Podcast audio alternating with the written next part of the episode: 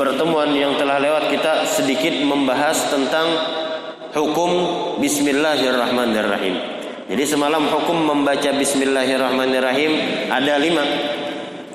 Hukum yang pertama adalah wajib membaca Bismillahirrahmanirrahim menurut madhab Imam Syafi'i apabila di dalam sembahyang. Karena Bismillahirrahmanirrahim adalah salah satu ayat daripada surah Al-Fatihah.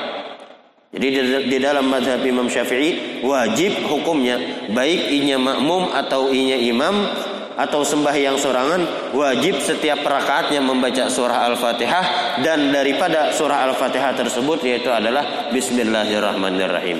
Kalau tertinggal misal orang tersebut sembahyang lalu inya mengumpati gaya di Madinah atau mengumpati gaya di Mekah yang mana mereka berbeda mazhab dengan kita. Dan orang tadi sembahyang di Indonesia. Misal sembahyang di tempat kita. Allahu Akbar. Setelah takbir membaca doa iftitah. Sekalinya kadang membaca bismillah langsung Alhamdulillahi Rabbil Alamin Ar-Rahmanir Rahim Maka sembahyangnya menurut madhab Imam Syafi'i kada sah Beda halnya dengan kita sembahyang di Mekah atau kita sembahyang di Madinah. Imam kadang membaca bismillah, maka bagi si makmum berhusnudzon mungkin imam membaca bismillah tersebut begemet. Jadi seperti a'udzubillah. A'udzubillah minasyaitonirrajim. Bismillahirrahmanirrahim. Hanya imam alhamdulillahi alamin. Nah, jadi apabila kita jadi makmum di Mekah atau di Madinah atau di mana pun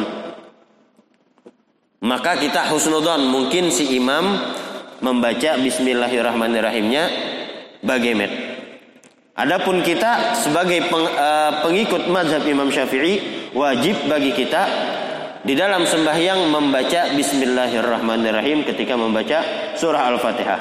Karena surah Al-Fatihah itu adalah salah satu rukun daripada rukun sembahyang. Apabila rukunnya kurang, maka sembahyangnya empat kedesah. Itu yang hukum pertama membaca Bismillahirrahmanirrahim.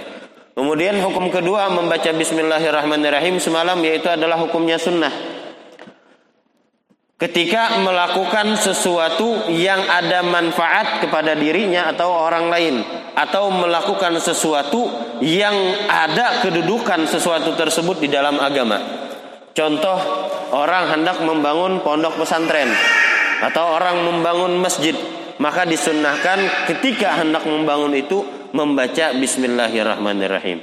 Atau orang hendak mengarang sebuah karangan, baik itu makalah atau kitab atau apa pun itu yang berhubungan dengan agama, maka hendaklah inya memulai dengan Bismillahirrahmanirrahim. Jadi sunnah atau sesuatu yang memberi manfaat Hendak makan, baca bismillah. Hendak minum, baca bismillah. Memakai pakaian, baca bismillah. Sunnah hukumnya. Yang ketiga hukum membaca bismillahirrahmanirrahim yaitu adalah makruh. Makruh hukumnya membaca bismillahirrahmanirrahim ketika melakukan sesuatu yang dimakruhkan pada zatnya. Contoh semalam yaitu ketika mencabut huban. Jadi mencabut huban hukumnya makruh kemudian membaca bismillahirrahmanirrahim ketika mencabut uban tadi maka hukumnya makruh juga. Jadi double makruhnya. Hukum yang keempat mubah. Membaca bismillahirrahmanirrahim contohnya ketika memindah satu barang ke tempat yang lain. Misal memindah kitab Ratibul Hadat ini dari sebelah kanan dipindah ke sebelah kiri lalu bismillahirrahmanirrahim. Ini hukumnya mubah memindahnya mubah yang namanya mubah harus dapat pahala kada dapat dosa kada. Tetapi membaca bismillahirrahmanirrahimnya mendapat pahala. Hukum yang terakhir daripada bismillahirrahmanirrahim yaitu adalah haram. Haram membaca bismillahirrahmanirrahim ketika melakukan sesuatu yang diharamkan oleh Allah Subhanahu wa taala. Misalnya semalam hendak mencuntan ampun orang hendak mencuntan supaya berberkah ujarnya bismillahirrahmanirrahim. Nah, itu haram. Atau apa pun contoh-contoh yang lain yang diharamkan oleh Allah Subhanahu wa taala. Tsumma qala al-musannif rahimahullahu taala wa nafa nabi wa bikum fid dharain amin ila an Alhamdulillahi rabbil alamin hamdan yuwafi ni'amahu wa yukafi mazidah. Al Habib Ahmad bin Zain Al Habshi radhiyallahu anhu ardhah beliau menyebutkan di dalam kitab beliau alhamdulillahi rabbil alamin. Alhamdu kalimat alhamdu kenapa para pengarang kitab atau para orang-orang soleh, para ulama, mereka memulai karangannya dengan Bismillahirrahmanirrahim. Kemudian setelah Bismillahirrahmanirrahim diawali dengan Alhamdulillah. Atau dengan bentuk pujian-pujian yang lain kepada Allah Subhanahu wa taala. Misal hamdan li rabbin khassana bi Muhammadin atau uh, innal hamdalillah dan yang lain sebagainya. Itu para ulama mereka memiliki alasan. Alasan yang pertama, mereka memulai setelah bismillahirrahmanirrahim dengan kalimat alhamdulillah yaitu adalah iktidaan bi kitabillahil aziz. Mengikuti dengan kitabnya Allah Subhanahu wa taala, mengikuti Al-Qur'an. Al-Qur'an kita buka yang pertama bismillahirrahmanirrahim kemudian alhamdulillah Alhamdulillahirabbil alamin. Karena itu mereka mengikuti Al-Qur'an, mengamalkan isi Al-Qur'an. Kemudian alasan yang kedua yaitu adalah mengamalkan hadis baginda Rasulullah wasallam kullu amrin dzibalin la yubda'u fihi bilhamdillahi rabbil alamin fahuwa aqta. Wa fi riwayatin abtar wa fi riwayatin ajdam. Jadi setiap perkara ujar Rasulullah Sallallahu Alaihi Wasallam yang kada dimulai perkara tersebut dengan Alhamdulillah. Menurut riwayat yang sebelumnya kada dimulai dengan Bismillah. Dan di dalam riwayat yang lain kada dimulai dengan Alhamdulillah. Dan perkara tersebut memiliki manfaat atau ada kedudukannya di dalam agama bahwa aqta maka perkara tersebut terputus daripada keberkahannya Allah taala. Artinya kada diberkahi oleh Allah. Misal hendak membangun pesantren tadi atau hendak mengarang kitab, kada ditulisnya alhamdulillah, maka kitabnya kada diberkahi oleh Allah Subhanahu wa taala. Atau kita hendak melakukan apa pun maka kita mulai dengan bismillah dan kita akhiri dengan alhamdulillah misal makan Makan dimulai dengan bismillah, tuntung makan kita akhiri dengan alhamdulillah. Maka insya Allah makanan yang kita makan diberkahi oleh Allah Subhanahu wa taala dengan catatan makanan yang kita makan itu adalah makanan yang halal. Duitnya kita menukar makanan itu dari duit yang halal. Gawiannya dari gawian yang halal. Apabila gawian dari gawian yang haram, duitnya duit yang haram, pakaiannya dari pakaian yang haram, makanannya makanan yang haram, minumannya minuman yang haram. Rasulullah sallallahu alaihi wasallam beliau menyebutkan dalam sebuah hadisnya, "Tsumma dzakara rajulan ash'ath aghbar yamuddu yadayhi ila sama wa ya ya wa haram wa malbasuhu haram wa mashrabuhu haram wa ghudhiya bil haram fa anna yustajabulah."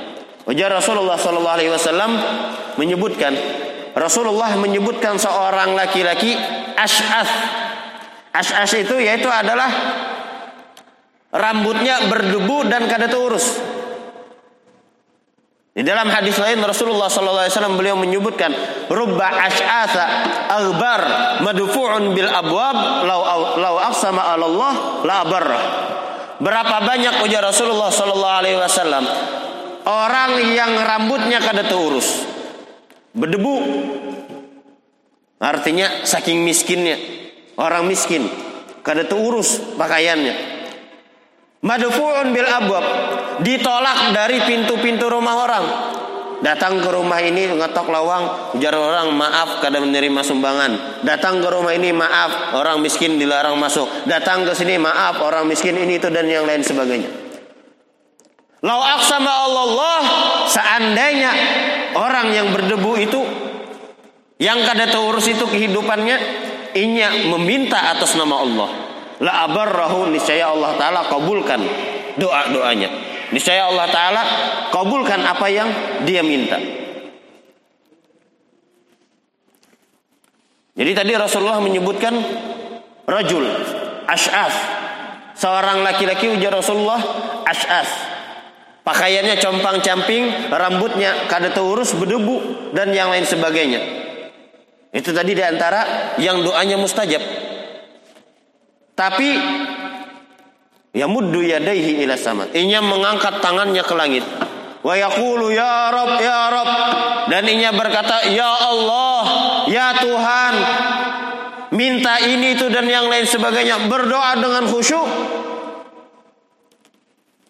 Wa malbasuhu haram akan tetapi pakaian yang dia pakai adalah pakaian yang haram. Wa masyrabuhu haram, minuman yang inya minum adalah minuman yang haram. Wa mat'amuhu haram, makanan yang dimakan adalah makanan yang haram. Tumbuh menjadi daging, dagingnya haram. Wa malbasuhu haram. Wa masyrabuhu haram. Wa gudiya bil haram. Dan sepanjang hidupnya artinya makanannya minumannya dan kenikmatan-kenikmatan yang lainnya dari sesuatu yang haram fa anna yustajabalah maka mustahil ujar Rasulullah doa orang tersebut dikabulkan oleh Allah Subhanahu wa taala. Nah, jadi kalau makanan kita halal, harta kita halal, kemudian kita makan makanan tersebut dengan bismillah, diawali dengan bismillah dan diakhiri dengan alhamdulillah. Bilanya kada hafal juga doa tentang makan, baca alhamdulillah. Maka insya Allah makanan yang kita makan itu diberkahi oleh Allah Subhanahu wa taala. Karena mengamalkan hadisnya Rasulullah sallallahu alaihi wasallam tadi, kullu amrin dibalin la yubda'u fihi bilhamdulillah fahuwa aqta. Setiap perkara yang kada dimulai dengan alhamdulillah maka perkara tersebut adalah terputus daripada barokahnya Allah Subhanahu wa taala karena diberkahi oleh Allah Subhanahu wa taala. Dan kalimat alhamdulillah ini huwa sana'u bil lisan an ta'zimi uh, anta huwa sana'u bil lisan ala jihati ta'zim li ajil jamil ikhtiyari yaitu adalah pujian kita kepada Allah Subhanahu wa taala dengan lidah jadi kalau kita berucap alhamdulillah, alhamdulillah, apa kabar? Alhamdulillah. apa nikmat diberikan Allah? Alhamdulillah. Kalau kita berucap alhamdulillah hingga dimuntung aja itu cuma sana ubil lisan. Pujian kepada Allah dengan lidah. Adapun hakikat bersyukur kepada Allah yaitu adalah fi'lun yunbi'u an ta'zimil mun'im min haitsu kaunihi mun'iman 'alal hamid au ghairuhu yaitu adalah perbuatan yang timbul dari mengagungkan yang memberi nikmat min haitsu kaunihi mun'iman sama ada keadaannya diberi nikmat dan yang memberi pujian tersebut alal hamid au ghairuhu atau kepada selain yang memberikan nikmat. Jadi hakikat syukur adalah perbuatan kita. Bukan cuma lidah kita.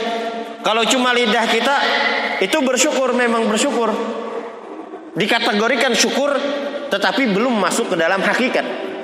Hakikat syukur yaitu adalah kita melakukan perbuatan yang mana perbuatan tersebut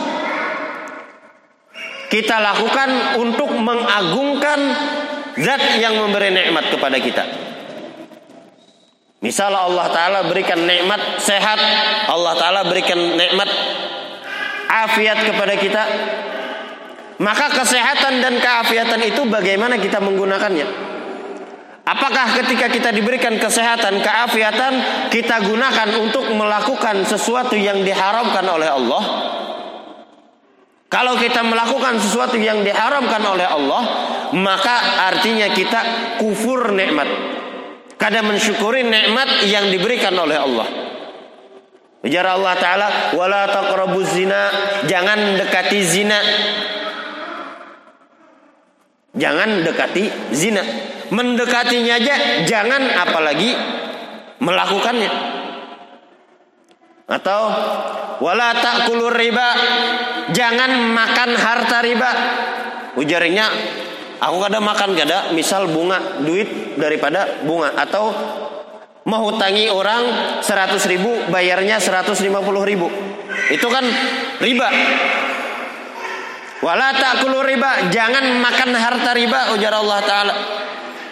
Ujar sidin aku kada makan kada. Duitnya aku tukarakan ke pulsa. Atau duitnya aku tukarakan ke kota. Sama aja. Ta'kulu di dalam tafsir ayya khudu ay ta'khudu ta'kulu jangan engkau memakan. Maksudnya jangan engkau mengambil Jadi bilanya mengambil ke mana aja menggunakannya yang namanya riba tetap riba. Dan orang yang melakukan sesuatu riba, apa pun itu bentuk ribanya, maka di Allah Ta'ala telah mengumumkan kepada orang yang melakukan riba tersebut dengan peperangan. Allah Ta'ala dan Rasul akan memerangi orang tersebut. Bagaimanapun keadaannya. Dan harta yang timbul atau harta yang halal bercampur dengan harta riba. Ini misal orang bisi harta nang halal 100 juta. Lalu inya bolah modal usaha atau modal apa-apa. Dengan harta yang riba sekian ditambahi 100 juta tadi. Lalu diulahnya usaha. Mungkin tahun pertama, kedua, ketiga, keempat mungkin diberikan oleh Allah Subhanahu wa taala istidraj. Dilanjur oleh Allah taala diberikan harta banyak ditambah ditambah ditambah. Mungkin akan tetapi harta yang dari harta riba maka harta tersebut akan membakar bahkan sampai harta yang halal. Harta riba itu akan membakar akan memakan harta yang halal. Mungkin harta di uh, suatu saat akan diberikan Allah taala musibah habis hartanya. Jadi harta riba itu walaupun di mata kita misal banyak atau berujung hakikatnya akan menghancurkan harta kita yang halal. Seperti uh, api yang memakan kayu bakar akan habis dimakan oleh harta riba tadi. Jadi jangan sampai kita bermain-main dengan riba. Bahaya main riba. Nah jadi tadi misal misalkan kita diberikan kenikmatan afiah, diberikan Allah taala sehat dan keafiatan. Lalu kita gunakan untuk melakukan yang diharamkan tadi. Maka itu seseorang tersebut adalah orang yang kufur nikmat. Kada mensyukuri nikmatnya Allah. Tapi seandainya kita diberikan kenikmatan, awak sehat, diberikan keafiatan, diberikan waktu luang, lalu kita gunakan misal untuk menuntut ilmu atau untuk beribadah kepada Allah Taala, untuk melakukan segala sesuatu ibadah kepada Allah, maka dengan kesehatan itu Walaupun kita kada berucap alhamdulillah, itu hakikatnya orang tersebut bersyukur kepada Allah Subhanahu wa taala. Dan itu lebih agung, lebih mulia daripada inya berucap alhamdulillah. Atau misal contoh lain perbuatan yang timbul untuk mengagungkan zat yang memberikan kenikmatan tersebut, misal kita diberikan harta oleh Allah taala. Dengan harta itu kita gunakan ke jalan yang benar. Kita bersedekah kepada orang fakir miskin, kita membantu uh, keluarga yang kesusahan. Kita membantu dengan harta tersebut pembangunan-pembangunan baik pembangunan masjid, pembangunan pondok pesantren dan yang lain sebagainya. Maka itu hakikatnya orang tersebut bersyukur kepada Allah Subhanahu wa taala.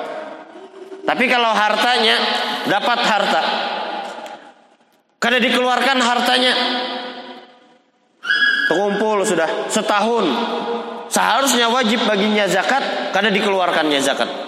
Maka orang tersebut adalah orang yang kufur nikmatnya Allah Taala.